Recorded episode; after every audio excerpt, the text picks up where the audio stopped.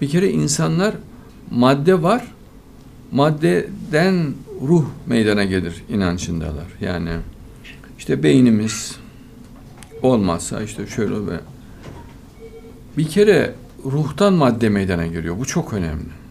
Çünkü bak elde somut olan delil ruh. Madde elimizde değil yani maddeye ait elimizde bir delil yok bizim. Ruha ait delil var. Mesela ruhu görüyoruz. Renklerini görüyoruz, seslerini duyuyoruz, dokunma hissini duyuyoruz. Bunların hepsini duyuyoruz. Ya bunlar somut. Ama madde bizde ne? İnanç. Olabilir diyoruz. Yani madde olması gerekir diyoruz. Olması gerekir. Neye göre? Diyor beynimin içinde bir görüntü görüyorum. E bu görüntünün dışarıda olması gerekiyor diyor. Ben buna inanıyorum diyor. Bak ben sana işin doğrusunu söyleyeyim o zaman. Madde diye bir şey yok. Sadece ruh var. Ruhun meydana getirdiği imaja madde diyoruz. Bu bilimsel bir gerçek. Açık, seçik ve çok net.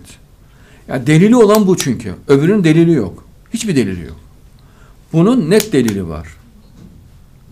Açık yani çok keskin delilleri. Bunu anladın mı? Ahiret her şeyi insan anlar. Yani bir kere burada bilimsel bir yanlışlık var. Bilimsel yanlışlıktan dolayı insanlar takılıp kalıyorlar. Bu bilimsel yanlışlığın kaldırılması lazım. Yani bilimin bunu samimi olarak açıklaması gerekiyor. Bilim bunu açıklamıyor. Samimi değil bu konuda bilim. Ya inanılır gibi değil.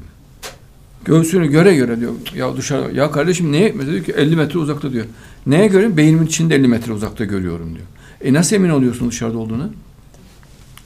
Dışarıda madde gölge varlık olarak var. Şu gördüğümüz şekilliğine gölge varlık olarak var. Madde olarak yok. Kesin. Gayet net.